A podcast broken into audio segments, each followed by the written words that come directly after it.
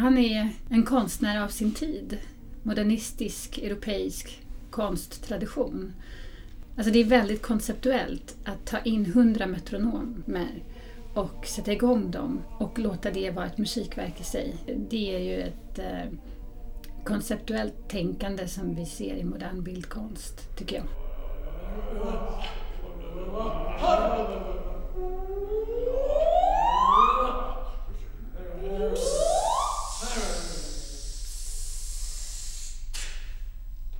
Alltså det, det, man kan förvänta sig är att man, man faktiskt, och det låter ju lite, sådär, lite klyschigt, men man faktiskt kommer höra klanger som man nog aldrig har hört förut.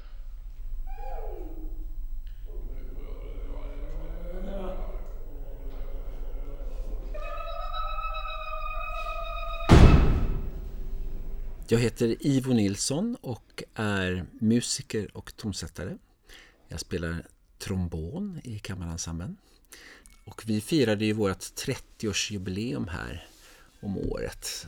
Så att vi har varit verksamma ett tag med den nya musiken som fokus eh, i den här formen. Kammarensemblen har verksamhet vilar på två ben. Det ena är att jobba med ny musik, det vill säga att beställa musik av nu levande tonsättare eh, och uruppföra den. Och, och vi har Eh, uruppfört långt över hundra verk av olika tonsättare, svenska och utländska. Det andra benet är att framföra moderna klassiker.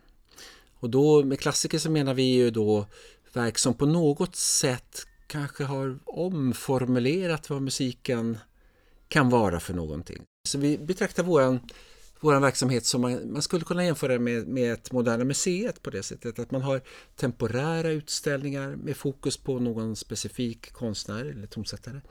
Um, kanske med helt nya verk eller så. Eller så har man då samlingarna. På de, museet har ju samlingarna av, av viktiga verk från eh, det förra och detta århundrade. Och det gäller ju då i allra högsta grad det här projektet som vi ska göra på Folkoperan. Ligeti är ju givetvis en modern klassiker, en av de absolut största inom efterkrigstidens eh, musik. Och, och, ehm, och det som är extra roligt är just att kunna göra i den här kontexten att nu, det här är ju, vi fokuserar på Ligeti, det, det är bara Ligetis musik och, och ehm, det, det, finns ju den starka sidan som förstås har med hans musikdramatiska sida har ett starkt fokus här i det här projektet. Mm, jag heter Ellen Nyman och jag är regissör på Ligger till land. Jag är ju skådespelare och eh, arbetar med regi och bildkonst vid sidan av mitt skådespeleri. Jag har även regisserat ju här tidigare i Brunhildes Cut Piece som var på Opera Showroom och även Anti The Revolution Will Be Feminized eh, som var ett samarbete med Teater för att och Folkoperan Ligger till land är ju en, eh, en sammansättning av flera konserter. Eh, för egentligen kanske man skulle gå och lyssna på ett stycke eller två eller tre. Men nu kommer vi till att lyssna på flera stycken av Ligeti på en och samma kväll. Och eftersom det spänner brett från hela hans karriär som kompositör så kan man säga att man kommer att uppleva det som en eh, retrospektiv upplevelse av konstnären ligger till. Det är ju självständiga verk i olika tider i hans liv och olika epoker eller olika genrer kan man nästan säga. Så att eh, det är som om man går och tittar på en utställning, en retrospektiv av Picasso på Moderna Museet så skulle man säga att man har en blå period och man har en kubistisk period. Och på det sättet har vi här olika verk av Ligeti som är ganska åtskilda från varandra. Och så kommer vi även att eh, prata lite om Ligeti, vem han var, var han levde och på vilket sätt det också kan ha påverkat den konst han hans konstnärliga praktik och hans sätt att tänka kring konst. Så att, eh, det är en resa in i Ligetis liv och arbete. Och det är väldigt unikt för det är inte så ofta eh, vi har möjligheten att lyssna till så många verk av Ligeti. Hur kommer det sig tror du? jag tror att det fortfarande finns en föreställning om att Ligeti är svår eller smal. Eh, och egentligen är han ganska lätt och rolig. Eh, men att eh, man, ska, man ska in i det för att se det lätta och det roliga. Så att säga. Omedelbart kan man tycka att det verkar jättekomplicerat men om man sen fördjupar sig lite mer i hur han tänker och på vilket sätt så är det väldigt lustfyllt och eh, lättsamt. Det ligger till, kom ju hit till Sverige, till Stockholm eh, i början på 60-talet och undervisade på Musikhögskolan här. Så att det finns liksom en Stockholmsanknytning och det, där kommer det här liget i land in lite grann. För att vi, det, han, han var ju flykting och det, det anknyter ju till den situation som vi har idag. Han flydde från från under Ungernrevolten 56 från, från, från Ungern och sen så hamnade i Wien och sen kontakter i, nere i Köln med Stockhausen och sådana starka figurer. Men sen så hamnade han alltså här uppe i Stockholm. Han var ju här så att han lärde sig till och med tala svenska vad jag förstår och, och rotade sig ganska väl här. Och sen så fick jag den här beställningen sen också då från Stockholmsoperan, den stora makabern, som är ju den moderna klassikern liksom i operalitteraturen. Och det är ju jättehäftigt att det, att det har hänt här. Va? Så det tycker jag att vi ska lyfta fram. Och man kan säga, liget, varför, varför, ja, varför just liget? Ja, men det finns en stark koppling här, i den här stan. Jag kan inte säga att jag, att jag känner honom personligen så, men vad jag förstått så var han en väldigt eh, elektrisk person, och man full av energi, eh, ganska kontroversiell. Eh, och det är, ju, det är väl också så, när man har genomlevt sådana situationer, så man måste fly från sitt... Han kom ju ursprungligen från Transylvanien och, och, och sedan och under revolten och så, när man hamnar i den, då, då, då, kanske det är så att i livet så, så ställs saker och ting på sin spets.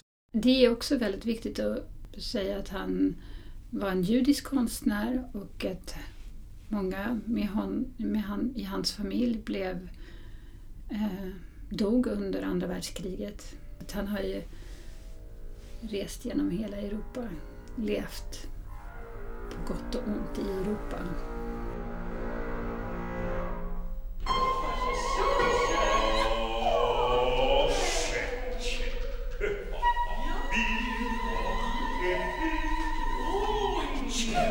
Choo, choo.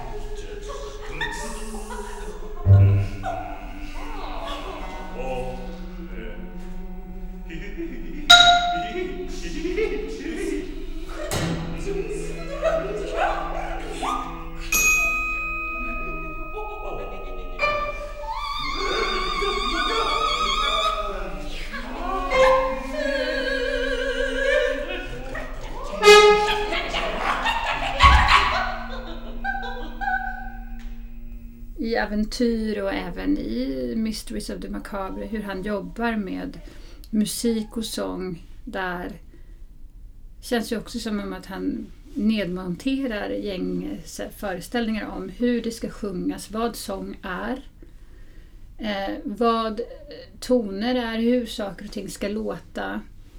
Att han jobbar väldigt mycket med att göra musik av det som man kanske omedelbart skulle uppfatta som oljud prassel, hostningar eller eh, olika läten. Och något som man kan säga är kännetecknande för stora konstnärer är ju att de, de skapar ett eget nytt språk som öppnar upp för andra. Eh, som blir en väg som andra sedan va, låter sig inspireras av och förädla vidare på. Och och det är det jag tycker att han gör. Det är kanske lättast att ta det här och hålla fast i det här exemplet om Picasso, men kubismen är ju det som han som framhävs vara något som han har utvecklat, vilket är ett annat sätt att se på, på bild. Och det tycker jag att det är väl det som ligger till också gör, att han skapar ett nytt sätt att se på musik, eller att höra musik, förstå musik han har, dels så har han en, väldigt stark förankring i tradition. Han jobbar väldigt mycket med gamla alltså, och då tittar vi liksom så här tidig vokalpolyfoni liknande, alltså i konstmusikens barndom. Många sådana tekniker, kanontekniker eller eh, sådana polyfona tekniker återkommer väldigt mycket i hans musik. Bara det att han gör det på ett helt nytt sätt. Han staplar dem ovanpå på ett sätt som man inte gjorde på den tiden. Och han skapar ju eh, mycket texturer, alltså slags ytor eller kvaliteter i musiken.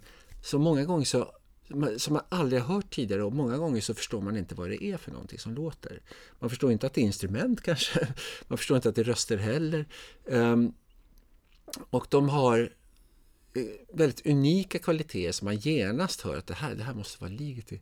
Man var väldigt, väldigt, nyfiken på att använda olika kulturers sätt och han tittade bakåt i tiden och använde det, det som han fann där på ett helt nytt sätt. Och likadant gjorde han när han kanske hämtade inspiration från någon typ av folkmusik. Eh, det kan vara ungersk sådan, men också afrikansk eller så. Och använde det på, på ett helt nytt sätt. I, I Avantyr då, det stycket till exempel, så är det ju så att han jobbar inte med text och ord som man förstår på det sättet utan han jobbar väldigt mycket med, med språkljud.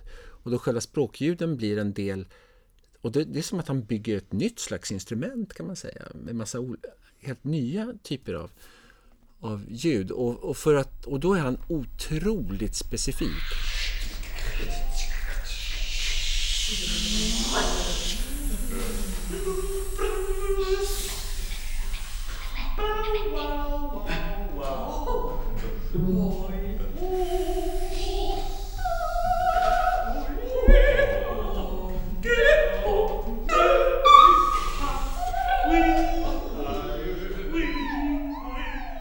Alltså, not notbilden är fullklottrad med information.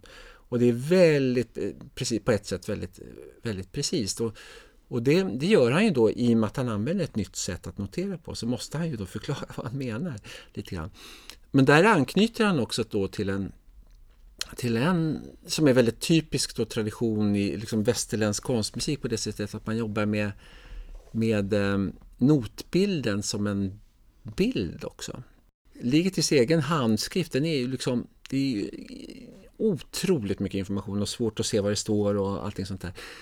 Men det är också väldigt inspirerande. För det är väldigt kul att se med den här frenesin han har skrivit ner alla de här prickarna och hitta på eh, delvis nya tecken då. För att han vill ju göra någonting som han inte har gjort förut. Han vill ju, och då måste man ju liksom någonstans spåra för att annars så gör man ju, upprepar man någon, någon typ av kliché som man har gjort förut. Det är väldigt utmanande, det är oftast väldigt, det är svårspelat för att det ska, man kan minsann absolut inte göra hur som helst. Det är väldigt exakt. Allting måste vara väldigt tajt och väldigt precis och väldigt intonerat och sådär. För att annars så funkar det inte. Annars så faller det ihop som ett korthus Så då blir det bara precis vad som helst. Men jag tror att man kommer uppleva vissa stycken som, så här, ja, men som så här bildkonst. Alltså lite som Duchamps toalettstol så här, eller pissoar. Att man, eh, att man kommer uppleva det som eh, rent konceptuellt. Eller så kanske man upplever det som filmmusik. Vissa stycken. Eh, och andra stycken kommer man uppleva som närmast absurda, komiska. För att eh, det är ljudverk. Med, eller utforskande av ljud. Så, så att jag tror att det, kan, det behöver inte alls vara svårare att ta till sig för en som inte är van att lyssna på opera. Det kan till och med vara lite svårt om man är väldigt van vid eh, eh, harmonier och melo melodier och så. För då kanske man saknar dem eller söker dem. Om, om man, ska, man ska sätta några sådana epitet på honom så, så är han, han är ju på ett sätt väldigt lekfull och rolig. Och eh, har mycket satir och ironi och humor. Han är också, hans musik är också väldigt artikulerad, alltså den, den är väldigt tydlig.